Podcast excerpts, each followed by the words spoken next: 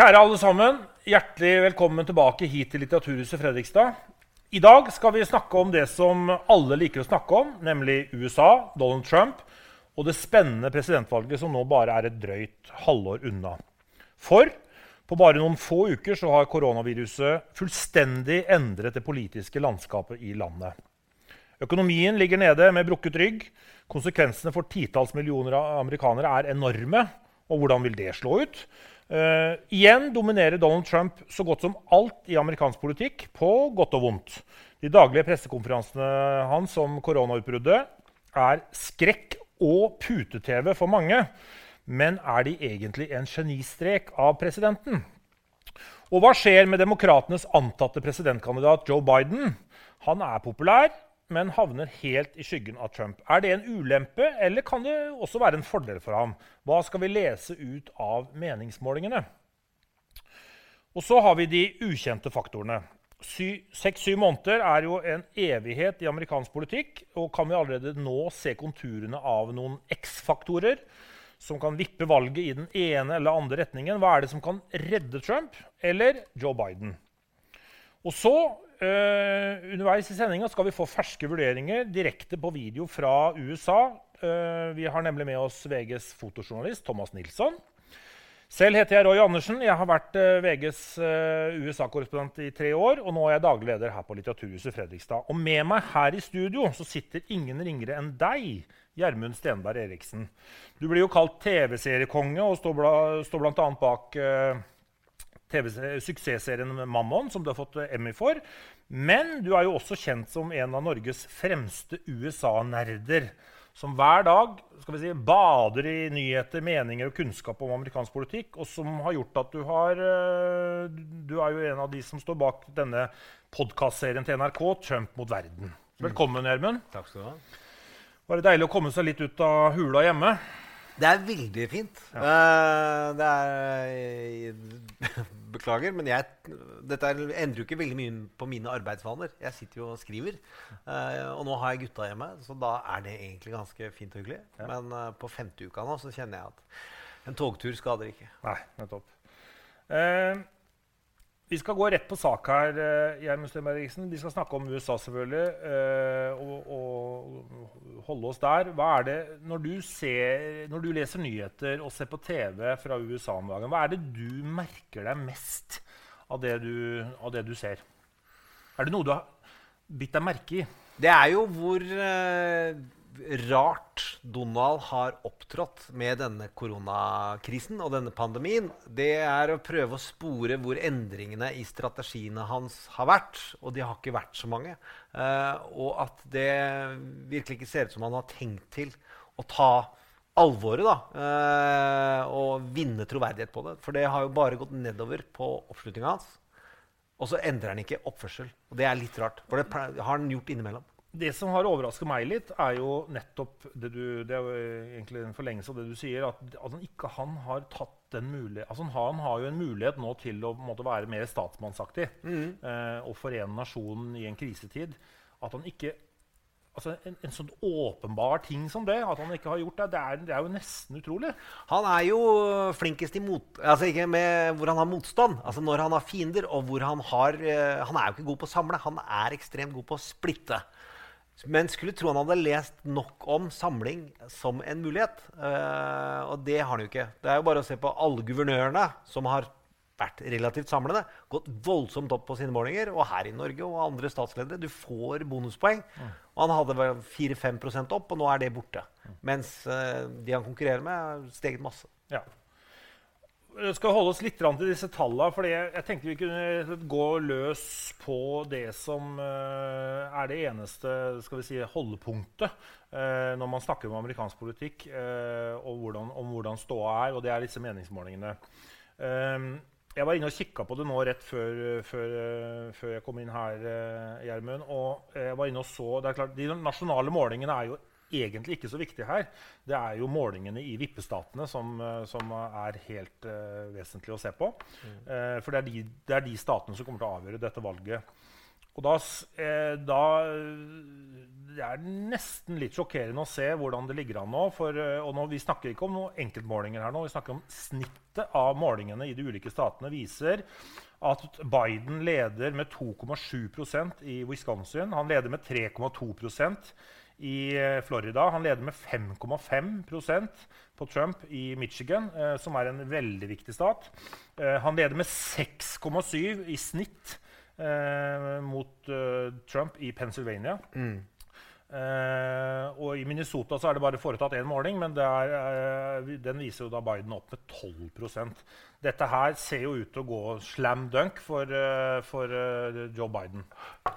Det, slam dunk slutta vi med i 2016. ja, det, uh, han ligger veldig godt an. Hillary lå også veldig godt an i mai, eh, april-mai før 2016-valget. Men det her er mye verre enn det Donald hadde for, sett for seg. Eh, de trodde vel at Florida og Wisconsin skulle være de som er viktigst å holde. Og når selv de er usikre, og guvernøren i Florida gjør det såpass dårlig på sin oppslutning, så hjelper ikke at han har flytta eh, bopel dit. Det kan jo være verdt å minne uh, seerne litt på uh, det politiske landskapet. og da, Man må, må, gå tilbake og se til 2016-valget, fordi det er jo det valget man egentlig da måler dette valget opp mot. Uh, fordi det som var da en situasjon, var jo at Donald Trump vant jo uh, mange av disse, de fleste av disse vippestatene jeg nå nevnte. Eller alle av dem, faktisk. men med uhyre små marginer. Uh, 70 000 velgere fordelt på tre delstater. Ja det er, eh, det er, det er så jevnt så det er ikke vanskelig å fatte. Så det betyr i praksis at Donald Trump han har egentlig nesten ingenting å gå på. Uh, mister han noen få til tusen velgere mm. uh, av de som stemte på ham sist, så er, så er valget tapt. Ja. Han har en liten fordel i hvordan det Electoral College Du får jo valgmannsstemmer per delstat. Hvordan de er fordelt. Men nå som han er såpass tynt spredt i alle disse delstatene, så eh, sliter han med ressursene sine. Eh, jeg tror jo at uh, Pennsylvania virker jo som er, toget er gått. Mm. Dette blir veldig spennende å se disse målingene på disse statene fremover. Men, men la meg si det sånn. Det ser ikke veldig lovende ut for Donald Trump dette her per mai, eller per slutten av eh, april 2020. Eh, Nei, men der jeg var med å undervurdere den forrige gang, var hvor mye mer gjennomtenkt han var på delstatsnivå. Eh, det var ille, det var verre at Hillary-kampanjen undervurderte hvor mye han kunne om eh, de blå delstatene i midten der. Eh, the Blue Belt, som demokratene kalte det før. Ja. Eh, når de var demokratiske. Ja. Så vi får se så er det jo spørsmålet hva er det denne hva, hva er, eh, Vi står nå midt oppe i en koronakrise. Eh, hvor mange millioner mennesker har mista jobben? Over 20 millioner nå, så jeg. Eh, 26 er vi over nå. 26 millioner mennesker har mista jobben de siste ukene. Eh, det får jo voldsomme konsekvenser. Så er det jo interessant å se. Jeg var inne i går kveld og kikka litt på Twitter-feeden til eh, Donald Trump for å se litt hva er det hans tilhengere eh, sier.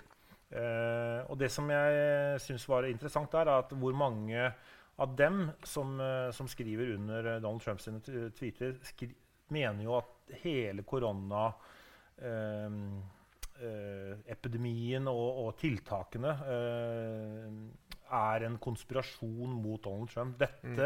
Dette, gjør man for å skade Donald Trump. Dette gjør man for å, altså restriksjonene. Man ønsker å ødelegge økonomien, som, som igjen da kan skade Trump til høsten. Um, og det virker jo nesten som om den type konspirasjonsteorier er i ferd med å få et ganske bra fotfeste blant en del republikanske velgere. Da. Det er som å unnskylde sitt eget fotballag. Uansett så har det vært det beste laget på banen. Uh, det er jo en av tre mulige strategier han har. Er koronakrisen behandla for dårlig sånn for helsa og økonomien? Eh, hvis det stemmer, så er han øverste ansvarlig. Da må han gi skylda til noen. Eh, og det beste kan jo være hvis det er disse helse- og økonomitiltakene. De er dårlig fordelt fordi de er imot han. Eh, og da får han det til å handle om seg. Spørsmålet er om det er mange nok mennesker utenfor hans base som er villige til å tro på og gidder å stå på morgenen en eller annen tirsdag tidlig i november å gå og stemme eh, med det som motivasjon, det kan tyde på at folk er mer sinna og irritert på andre sida. Men vi ser jo nå Uh, altså, Trump har jo sagt utrolig mye rart, uh, må vi jo kunne si, ja. uh, på disse pressekonferansene. Dette er ikke blekemiddel? I, i forrige uke så, så, så, så antyda han vel at folk kunne nærmest drikke, drikke desinfisering, des, desinfiseringsmiddel, eller blekemiddel, altså klor, mm. um, og at det kunne helbrede deg. det var han jo raskt å trekke tilbake. Men det er klart at det at han har sagt så mye rart i løpet av de siste ukene, hvordan kan det slå ut, tror du, Gjermund, på hva hans egne velgere mener om ham? Det var Allerede før forrige uke så var det målinger som viste at det er bare 32% igjen som har tillit til informasjonen fra presidenten, mens det ligger mellom 60 og 70% fra guvernører og andre føderale myndigheter. Det er jo da 10% lavere enn den basen som holder med en. Da er nede på det vi kaller Nixon-berget. Altså de som forsvarer Nixon uansett, uansett. uansett hva han har gjort. Eh, det er et så stort problem. Altså, da kan vi jo si at vi sa ja, Han tok tilbake ganske raskt. Han tar nesten aldri noe tilbake. Så det han gjorde på torsdag, når han sa at du kan injisere eh, blekmiddel eller desinfiserende middel Du kan ta solarium inni kroppen gjennom huden eller hva som helst.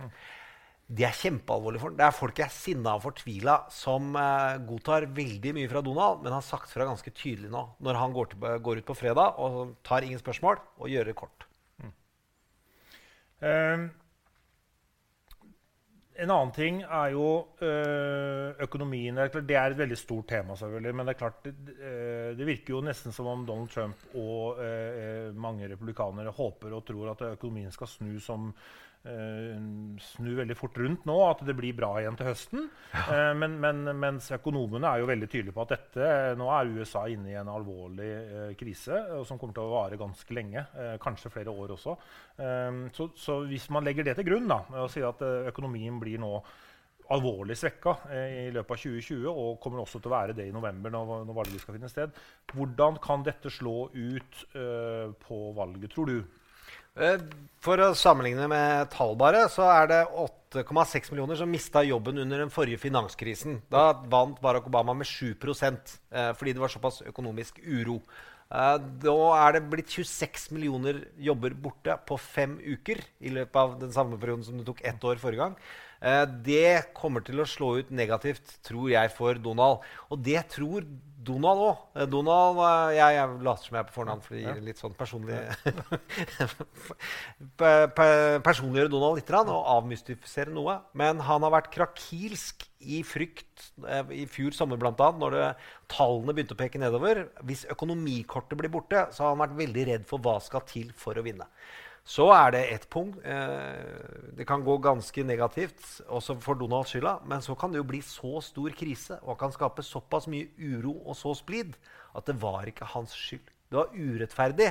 Han har allerede testa setningen uh, om å 'make America great again'. again.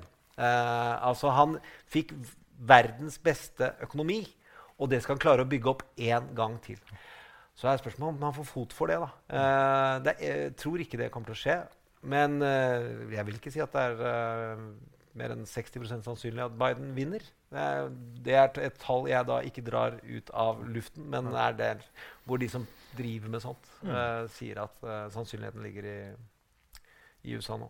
En ting som jeg har bitt meg merke i, og selvfølgelig mange andre også, er jo denne fullstendige snuoperasjonen som det republikanske partiet nå har gått gjennom.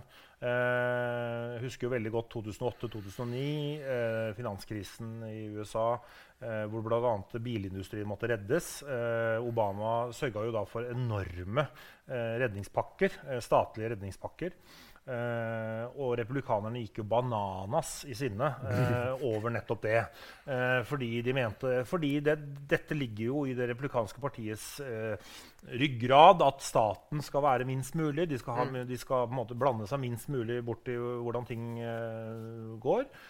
og nå ser vi det stikk motsatte. Nå er det, disse redningspakkene som, som, som, er vedtatt, nå er jo mye større enn Obamas redningspakker. Um, men, og dette er helt greit. Nå er plutselig republikanerne uh, på det kjøret der sjøl. Eh, og, og, og, de har jo gjort mange andre snuoperasjoner også. Du kan kanskje si litt om det, Gjermund. Men det er klart, det er jo et parti som er nesten ikke til å kjenne igjen. Nei, det, da spørs det hvor dypt de ideologiske røttene egentlig var etter Bush-årene. Når de ble krakilske for jeg tror det var 800 dollar, eh, milliarder dollar eh, under Obama. Nå er det 2,4 med Hva heter det? Billions heter det på engelsk. Trillioner. Da, trillioner på norsk, ja. Eh, trillioner som ble kasta ut de første, første måneden, som jeg, alle er for og syns er fornuftig. Det betydde ikke noe. Det er hvem som sitter i Det hvite hus, som betyr noe. Så det er makta som rår. De andre de forlot, er jo øh, det, øh, synet på moral. Altså, Du skal oppføre deg godt. Barack Obamas største overtramp var en beige dress. Det var det med litt humor, altså. Men eh, De tok han på veldig lite, men de lagde veldig mye ut av det. Og så har de Donald Trump, som virkelig ikke er et moralsk forbilde. Det tror jeg må være mulig å si at det er objektivt sant. Mm. Eh, så de er til, Igjen så står det at de er et misnøyeparti. Uh, og misnøye har gjerne ingen kjerne. Det har bare felles fiender. Så vi ser om det er nok eh, fram til jul. Jo, da, da, da, da, når man jo selvfølgelig de velgerne som, som, alltid er misfornøyd med et eller annet. Uh, men, men det, det fins jo også en del eh, ekte republikanere da, som, som, faktisk tror på disse ja. tinga. Eh, og, og, det er jo interessant å se hvor, hvor beveger de seg nå. ikke sant? Når de ser at de, de kjenner ikke igjen sitt eget parti.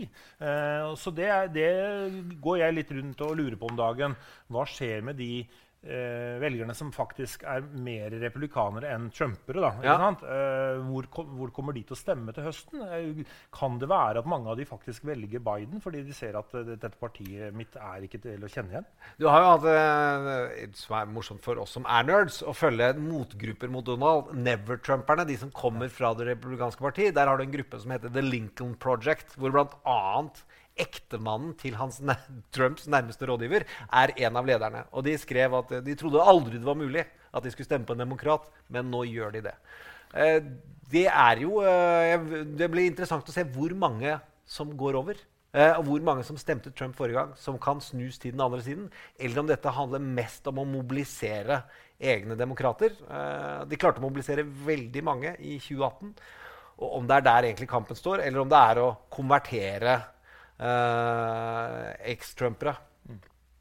Vi skal, eh, Det er lett å sitte her i Fredrikstad og analysere det amerikanske eh, valget og den politiske stemningen i USA, men det det er vel så bra å høre med en som faktisk er til stede i USA. Så nå skal vi eh, Jeg snakka med VGs fotojournalist Thomas Nilsson litt tidligere i dag. Og han skal vi se et videointervju med nå Hei, Thomas Nilsson. Eh, velkommen til eh, denne sendingen på Litteraturhuset Fredrikstad. Eh, du er jo VGs fotojournalist i USA og har vært det helt siden 2000, faktisk. Det betyr at det er vel et sjette presidentvalget du skal dekke nå, det. stemmer ikke det? Ja, det stemmer. Ja. Men, men hva, eh, hva, er den politiske stemningen eh, i USA akkurat nå for øyeblikket? Nå snakker jeg om den politiske stemningen. Eh, jeg vet ikke om du kan si litt om det først nå innledningsvis? Eh, ja, hele valget har jo kommet litt i skymundan av hele denne koronaviruskrisen her. Eh, primærvalget for Demokratene begynte i slutet på januari her. og eh, då var det ju fortsatt ganska mycket tryck runt det och mycket uppmärksamhet. Men eh, från eh, slutet av februari så har det bara handlat om corona. Så när eh, Bernie Sanders till slut drogs ut här på slutet så fick det inte alls speciellt mycket uppmärksamhet. Och, eh, och Biden ser man inte mycket av i nyheterna nu heller. Så det, det är lite i skuggan just nu faktiskt, måste jag säga. Mm. Vem, är det som, hvem er det som vil tjene på det, tror du? Jag tror att Trump tjänar på det. Han är på tv varje dag, har sin presskonferens Og och, eh, och även om många kanske tycker att han gör ett dåligt jobb. Eh, det finns säkert många som tycker han gör ett bra jobb, men det är många som tycker han gör ett dåligt jobb. Att han, hans presskonferens handlar om, bara om honom och han pratar om en massa med saker som är irrelevanta. Så är han dock på tv hela tiden och jag tror det det som det eh, talesättet at all, all, publisitet er bra publisitet. At, han, att folk ser noen, de kommer ihåg eh, vem han er og så videre. Så, og Biden er det ingen som ser noe av. Så jeg tror at Trump trots alt tjener på det. Eh, ja. Eh, du har jo vært eh, mange år i USA. Du har jo bodd der i, i 20 år nå. Og du kjenner, jo, eh, du kjenner jo Joe Biden godt. Du har sikkert møtt ham mange ganger også. Hva slags kandidat er han? Hva er hans styrker og svakheter nå i det landskapet vi nå begynner å se konturene av bli til høstens valgkamp? Eh, ja, jeg har vært på mange valgmøter med ham. eh, og jeg har gjennom åren. Han har jo også stilt til presidentvalg tidligere. Eh, men ikke blitt kandidaten, da. Altså stilt til primærvalget. Men hans dels har han veldig förmåga å connecta med väljare på one-to-one, -one eh, när man står en och en på når man står nära honom eh, och han pratar med folk efteråt och han tar sig verkligen tid att lyssna på folk. Eh, och han, man ser att han genuint bryr sig om, om människor som kommer dit och berättar sina historier om problem de har och att han genuint bryr sig om USA som land och att han faktisk er oroad for vart landet er på vei under president Trump. Eh, og jeg tror det er et av de eller det var ett av de skälen att han ställde till val överhuvudtaget. Han är trots allt in, relativt gammal, då, men han, han kände att han kunde vara ett alternativ som väljare kunde se som ett tryggt alternativ att få tillbaka landet på väg. Då. Och så har han väldigt styrka. Han är ju uppväxt i Pennsylvania och har sedan i vuxen ålder bodd eh, och varit senator från Delaware.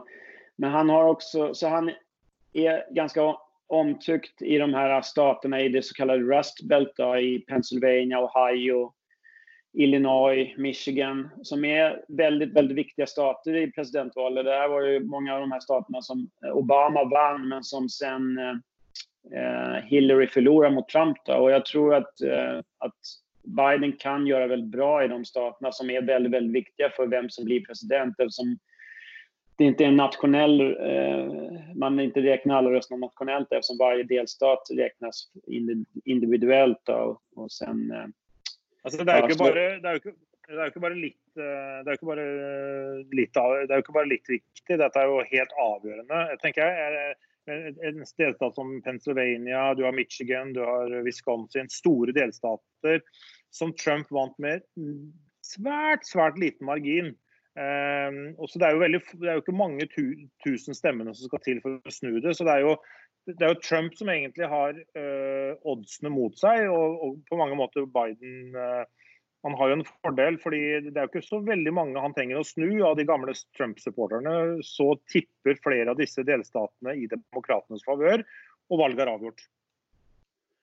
Ja, det er det de hoppas på, då, demokraterna. Och, uh, Ja, så jag, jag, tror det är en styrka för Biden. Eh, det är svårt, alltså Trump är en sittande president och det är alltid svårt att vinna över en sittande president. Då. Men å andra sidan har Trumps presidentskap varit så annorlunda mot allt vad man har varit van vid tidigare så det är också väldigt svårt att bedöma hur mycket det är en fördel för honom inte. Det är helt klart en fördel för för hans hardcore-supportrar. Men återigen, det är de här mittenväljarna de som kan svänga till, och kanske rösta demokratiskt. Då, såna, eh, Reagan Democrats som de brukar kallas. Då, såna arbetarklassen. Eh, och många av dem finns i de här Rust Belt-staterna som vi precis pratade om. Och där, där, där, där har han, av, av de demokratiska kandidaterna som försökte vinna nominationen då, så var han nog den som kanske har störst chans eh, i de områdena. Och, och det är de, vik de viktigaste områdena. Så absolut, jag tror att det är hans styrka. Så vi får se hur det går. Men det är där man bör fokusera väldigt mycket då, och kanske glömma. Egentligen bör man inte titta så mycket på den nationella eh, opinionsundersökningarna men, eh, men att titta på de staterna, för det är där valet kommer att avgöras, plus Florida och plus ett par stater. Kanske Arizona kan svänga också. Men, men framförallt de staterna där, där Biden är, är väldigt populär också. Har du ett stalltips, Thomas Nilsson, på vem som ska vinna valget nu 4 november? Nej, de, de gånger jag har haft det för, i, förr i tiden så eh, har jag ju haft fel då, oftast. Men Ja, jag, jag, kan säga, och det, jag tar ingen politisk ställning här, men eh, jag tror ju att jag tror Trump kommer vinna. För att, som jag sa, det är svårt att avsätta en sittande president. Så, mm. Och speciellt under kristider också. Då. Även om kanske vissa anser att Trump er en del av krisen. Da, men, eh, men jeg, tror, jeg tror nok at det blir så. Men, eh, men hvem vet? Det kan gå til hvilket håll som helst. Men nu, du, du ba meg gissa, så nå gjettet jeg. Ja.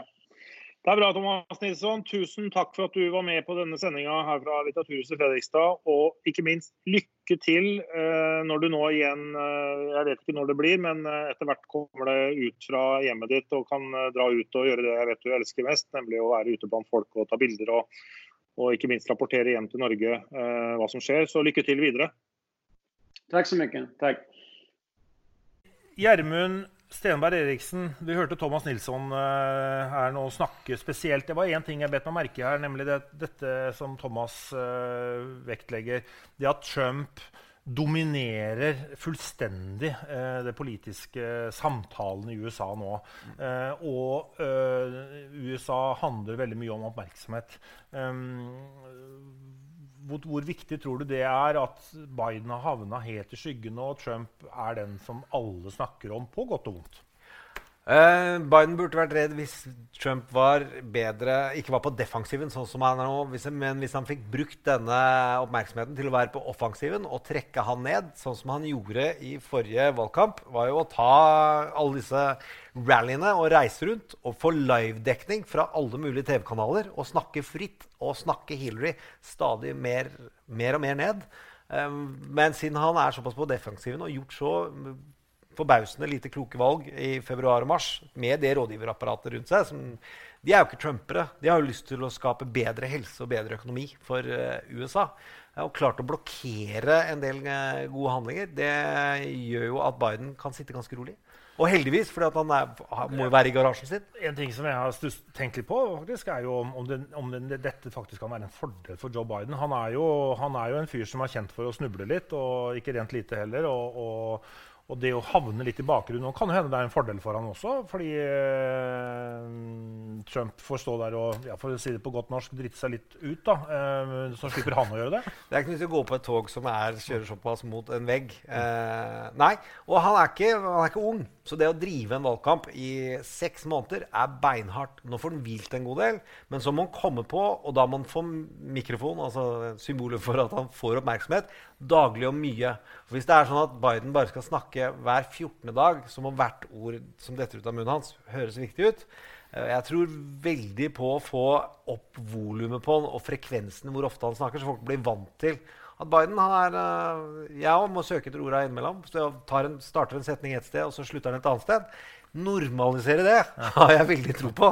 Uh, sånn at ikke alt står og faller på om Biden sier feil eller ikke. Fordi han holdes opp til en helt annen standard enn det drikk blekmiddel Donald Trump eh, blir målt opp mot. Mm. En annen ting eh, jeg kom til å tenke på, Gjermund, det er jo eh, Nå slippes det jo opp. Nå skal man jo da la folk få bevege seg ute igjen, gå tilbake på jobb, skolene åpner igjen. og dette skjer jo da veldig fort etter at restriksjonene kom, faktisk. og jeg, det er ikke så vanskelig å skjønne hvorfor, fordi man jo ønsker å få økonomien i gang igjen. Dette er viktig selvfølgelig også for Donald Trump. Men, det, men det, er jo, det, er jo, gambling på høyt nivå. Eh, fordi hvis nå viruset skulle spre seg med, med stor hastighet igjen, så risikerer man jo nye eh, tiltak, nye restriksjoner, eh, som igjen gjør at landet går inn i dvalemodus. Og det vil jo ramme presidenten veldig hardt, vil jeg tro. Mm. Hva tror du? Ja, nei, eh, korona eh, Hvordan det vil blomstre opp igjen. Det sier jo Trumps egne eksperter at det kommer tilbake til høsten med influensaen. Eh, og da vil tallene gå opp noe. Og, hvis, og, at de ser for seg at det vil være restriksjoner på sosial distansering. og en del, sånne ting. Da vil jo demokratenes delstater er jo de som har vært ramma hardest. For der bor, har, de er på kystene, og det er der befolkningstettheten har vært høyt. Og om det da kommer hardt inn i de røde statene hans, så ville ikke det styrke han, nei. nei. Jeg tenkte på en ting Gjermund, som jeg har gått og grubla litt på. og det er jo disse, denne, Jeg nevnte det også i innledningen her, denne faktor X. Ja. Eh, altså det ukjente, det man ikke helt ser konturene av akkurat nå. Det er selvfølgelig vanskelig. Pandemi, f.eks. Ja, pandemi, ja. Men det er jo, eh, vi vet jo alltid at det er noen faktor X i et presidentvalg. Det er med andre ord noen andre ting som kommer inn, og som påvirker resultatene. Vi så det i 2016. Da var det jo Jill Stein som, som stilte som De Grønnes presidentkandidat. Hun fikk vel en par prosent tror jeg, eh, av stemmene. Og spørsmålet er jo da, hvem er det hun tar da, eller hvem var det hun da tok stemme fra? Antageligvis ganske mange Hillary-velgere som, som, stemte på henne isteden. Og det var jo da kanskje nok til at uh, Donald Trump vant valget. Nå er det, uh, nå er det, nå ryktes det jo om at Justin Amash, som da er uh, Jeg må jo fortelle litt om han. Han er jo da han sitter i Kongressen. Han var republikaner, men valgte å bryte med partiet sitt under riksrettssaken og stemte altså for riksrett eh, mot Donald Trump. Og gikk jo ut av partiet og er jo nå uavhengig, independent. Eh. Og nå har jo han satt ned en, en komité som, skal, som, som, som, det så fint heter, skal undersøke mulighetene hans for å stille som presidentkandidat. Eh, hvis vi får Justin Amash, som er fra Michigan for øvrig, eh, som en uavhengig presidentkandidat i, i november, Eh, så er det jo egentlig et spørsmål eh, En fyr som da er eh, Som jeg opplever kanskje tilhører et slags sentrum. Mm. hvem er det han kan ta stemmene fra? For hvis han tar veldig mange stemmer fra Biden, så kan jo det faktisk hjelpe Trump. Det er, når det gjelder de uavhengige kandidatene, så er det jo gjort en del forskning eh, som jeg ikke er ekspert på, men jeg har hørt eh, mye fra de som studerer det. Eh, og Nate Silver sier jo f.eks. at når Bush Clinton eh, kjempet i 92, så fikk du eh, Ross Perot. Tradisjonelt så sa man at Perot han svekka Bush så mye at Clinton vant. Og så har de prøvd å se på tallene bak at det Perot egentlig utfordra folk i begge leirer, og at det er vanskelig å si hvem av dem det, det gikk imot. Ja. Nå var eh, Donald har vært redd for republikansk utfordrer såpass mye i primærvalgkampen at han har ikke selv om det er åpenbart at han ville vinne, mm. så klarer han å få de lokale komiteene i hver enkelt delstat til å forby utfordrere mm. i en del delstater. Så de har nok tall som tyder på at dette er farlig. Og Bill Weld var en av de utfordrerne. Han hadde hoved... I primærvalget. I primærvalget som ønska å hente stemmer fra Donald. Han er veldig sentristisk og lilla i kantene. Og hadde hovedstrategen til Romney fra 2012-valget. De stiller ikke opp hvis ikke de tror at dette kan ramme Trump. Uh, så det kan tyde på at de har målinger som viser at Amash dette, Jeg vet ikke noe om Nei. hvilke målinger Amash har. Nei. Men at Donald er redd for utfordrere, det, da hadde han ikke agert sånn som han har gjort siste året. i hvert fall. Nei, altså jeg, jeg, skal ikke påstå det ene eller det andre. Det eneste jeg påstår, uh, er at uh, det er, hvis Amash stiller til valg, det kommer til å bli en viktig faktor X i valget. Mye viktig. Jeg har hørt lite om det på norske nyheter, uh, men det jeg i hvert fall, vil tro at seerne bør følge litt med på den. Fordi, for det kan, det kan, svinge såpass mange stemmer, da, enten fra Biden eller fra Trump, at det vil få direkte utslag på valget. Hvis han velger å stemme, stille. Ja. Og da stiller han bare for å, uh, enten for å få masse oppmerksomhet, for å bli en nasjonal kandidat på sikt, markere seg i det republikanske partiet som står igjen hvis Trump taper, ja. eller så gjør han det for å ødelegge for Trump. Uh, siden Trump er hans største fiende. Uh, Trump kommer til å gjøre alt han kan for å fjerne den ene mannen mm. som gikk imot den. Uh, slik han har gjort på med alle senatorer som har prøvd å gå imot. og fått fjerna alle sammen unntatt Romney. Nettopp. Um, jeg vet ikke, Gjermund, Er det andre ting du ser i det politiske landskapet i USA nå som, som, uh, som Jeg mener Jeg syns det er spennende å se hvem som blir visepresidentkandidater. Ja. La oss snakke litt om det. Ja. Og det, Vi kan ta Biden på Biden-siden først. Han har jo sagt det må bli en kvinne. Det var før koronakrisen virkelig tok av. Uh, og du fikk sett at f.eks. Cuomo i New York gjør en så bra jobb og blir en så stor, helhetlig nasjonal figur at uh, folk begynner å si det må da bli Cuomo. Han kommer til å velge en kvinne, det er jeg helt sikker på, fordi det er Helt sikker. Det gjør meg ingenting å ta feil. når det er sagt, Men jeg kan ikke skjønne at han kan bryte et sånt løfte når kvinner er avgjørende for om han vinner. Ja. Så, er, så, det syns jeg er spennende. Og så er det at Donald skal bytte eller ikke.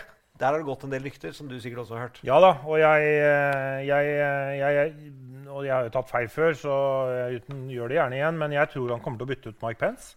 Um, og, og, vi snakka litt om det før sending også, Gjermund. fordi de kristenkonservative eh, i USA har jo Donald Trump i lomma nå. Ja. Trenger ikke Mike Pence lenger for uh, å sikre den velgerbasen der. Farligere for han er jo kvinnene. Mm. fordi mange kvinner nå ser ut til å gå mot demokratene. Og hvis de i tillegg får en kvinnelig visepresidentkandidat, at Biden får det, så må nok Trump svare på det en eller annen måte. Jeg tror Nikki Haley, som, som, har vært sentral i, i Trump-administrasjonen før også, vil vil, eh, vil, vil kunne komme tilbake eh, som visepresidentkandidat. Ja, Hvite kvinner eh, i, stemte i et flertall på Donald Trump ved forrige valg. Og ved alle mellomvalg nær sagt som har vært siden da, så har hvite kvinner med utdannelse gått fra Donald Trump i større Så han har fått mindretall blant de. Det er en trussel som de tar på alvor. Og særlig i forstedene rundt omkring i USA, på ganske tvers over de fleste delstatene.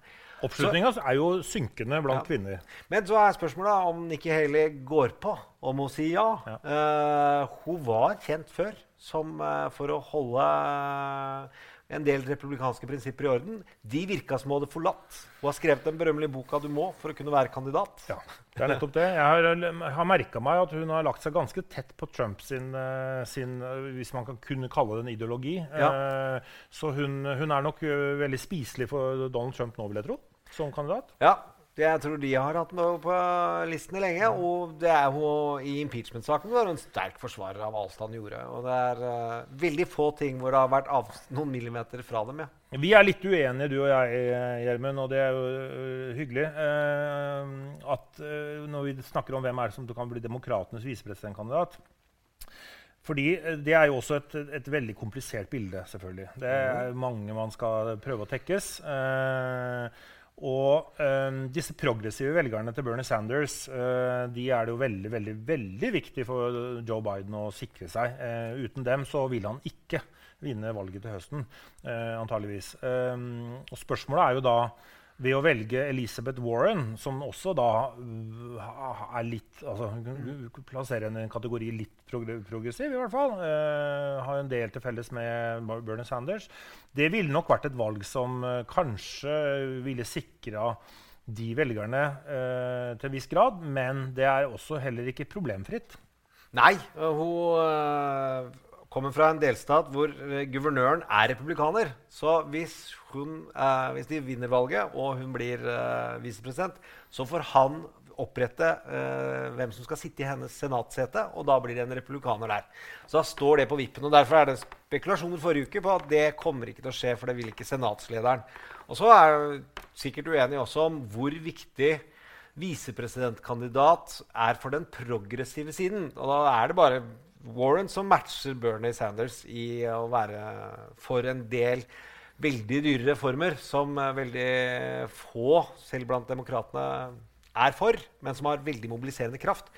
Er, jeg tror det er viktigere å være bred, treffe med kvinner og gjøre noe for fargede. Mm. Uh, som uh, tross alt avgjorde at Biden i det hele tatt blei presidentkandidat, var jo i Sør-Carolina, hvor alt, alt var, alle løp var kjørt. Så kom det en kjent, prominent eh, nei, demokratisk eh, kongressmann og sa 'jeg støtter Joe Biden'. Og så mobiliserte alle de fargede den delstaten og feide Bernie Sanders. Så du tror på Camilla Harris? du? Jeg tror jo på Camilla Harris som den mest sannsynlige. Så er det åpent. Man må bare ikke undervurdere at hver millimeter teller. Og Hillary Clinton valgte vel den kjedeligste visepresidentkandidaten jeg kan huske noen gang har gått på jorda, hvis du husker hva han heter.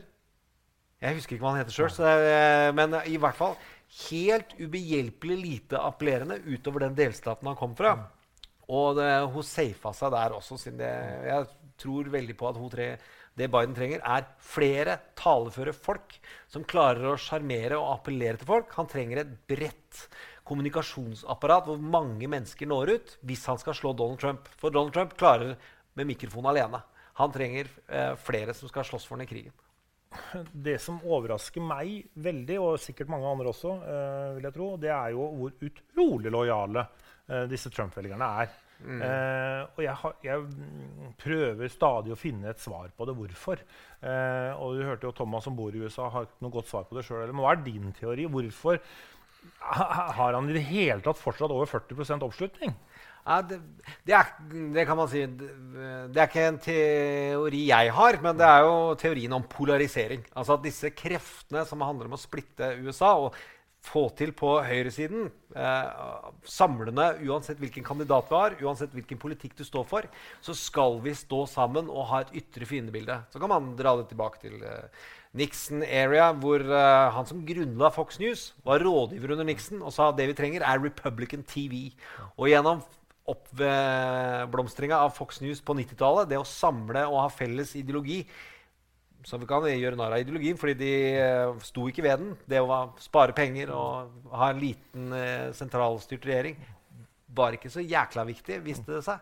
Men det er det, de heier på det laget som spiller, så lenge eh, De heier på drakta mer enn de på, heier på person, vil jeg si. Jeg mm. vet ikke hvorfor jeg bruker fotballmetafor. Det er virkelig ikke min, min sterke nei, side. Nei, men også, Jeg har lyst til å si en ting til det, og det er, eh, og det er en ting som jeg merker meg eh, det, det, er nok en misforståelse, tror jeg. jeg. Jeg opplever det som en misforståelse, nemlig at USA er nå så splitta som man aldri har vært før. Vel, dette oh, ja. landet har vært veldig splitta før. Mange mange ganger. Og, og, og det har vært krig! Ja, ja, ikke sant? Så Du har jo sjøl nevnt Nixon-perioden. Men, men, hvis vi går tilbake til McCarthy-perioden på 50-tallet, eh, så var det, jo, var det, jo, kulturkrig da også. Og tidlig 20-tallet og eh, tidlig 10-tallet. Så, så, dette her har jo USA sett før. Eh, så det er, det er, jo ikke nødvendigvis Man skal ikke avskrive USA eh, som et splittet land. Du, nei, virkelig ikke. Men du har ikke hatt de kommunikasjonsmulighetene for å fortsette å splitte og forsterke de kreftene. Og slippe unna med koordinert løgn i sanntid. Altså det at det skjer samtidig overalt, så skifter de mening sånn. Det gikk ikke før. Og da kunne du skape øyeblikk der McCarthy nå etterrasjonaliserer man jo noe med at det var én mann som sa Have you no decency, sir? Og da sprakk ballongen. Jeg tror det var ganske mye annet som påvirka den ballongen uh, samtidig. Men den type øyeblikk er det få som ser for seg. Uh, men all den teorien den er lagd før koronaen. Det er også det som går an å tenke på, at koronaen er et stort samlende sak. Uh, og som da kan få felles virkelighetsoppfatning uh, på tvers igjen. Mm. Og så vet jeg jeg elsker å lokke deg ut på glattisen, uh, Stenberg Eriksen. Men jeg, jeg, jeg, prøvde jo med Thomas Nilsson. Han var jo han, Du hørte jo sjøl, han trodde jo Trump kommer til å vinne valget. Uh, men, men, ikke basert på, noen, altså, basert på en magefølelse han har. Uh, men hva sier din magefølelse? Min magefølelse sier jo at han taper. Men, og jeg mener det er sånn 60-40 for at Biden kommer til å vinne. Fordi dette med økonomien og de lave oppslutningstallene Så var det aldri sånn at en reality-stjerne skulle vinne presidentvalg før i 2016. Bomma da. Men ingen har vunnet med en så dårlig økonomi eh, før, altså. så vi får se. Mm. Det er uansett veldig spennende. og det er ikke sikkert det blir jevnt. Men det er veldig like vinnersjanser. Ja, jeg tok også feil i 2016. bare så det er sagt, og Jeg trodde også Hillary skulle vinne da. Eh, det gjorde også Thomas. Eh, bare så det er sagt. Eh, men, men, Hvis de har noen seere av hvor man har den type kontrære mennesker, som jeg ikke tror Thomas er, men det er helt greit å si at jeg visste at Trump vant i 2016 ja, Du visste at han vant med 70 000 stemmer over tre vippestater. Det er, det er ikke helt kunnskapsbasert. Det, det gikk stang inn for din del, hvis det er sånn du tenkte? Min konklusjon er i hvert fall følgende. Eh, hvis man ser på de målingene og de tallene, og du ser på kon den, de konjunkturene som er nå, så taler alt for, eh, så å si, eh, at Joe Biden skal vinne. Eh, så all sunn fornuft tilsier at Joe Biden vinner dette valget. Mm -hmm. Men eh, som vi vet, det er mye annet enn sunn fornuft som styrer amerikansk politikk, så vi får vente og se i resten av verden òg, dessverre. Ja, det var alt vi hadde herfra Litteraturhuset Fredrikstad. Uh, vi kommer helt sikkert tilbake til deg uh, Gjermund Stenberg Eriksen, for å snakke mer om USA og, uh, og den politiske utviklingen der når det nærmer seg valget. takk til, du, takk til, deg for at du kunne komme hit til Litteraturhuset Fredrikstad. Og ikke minst takk til dere der hjemme for at dere fulgte nok en sending fra Litteraturhuset Fredrikstad.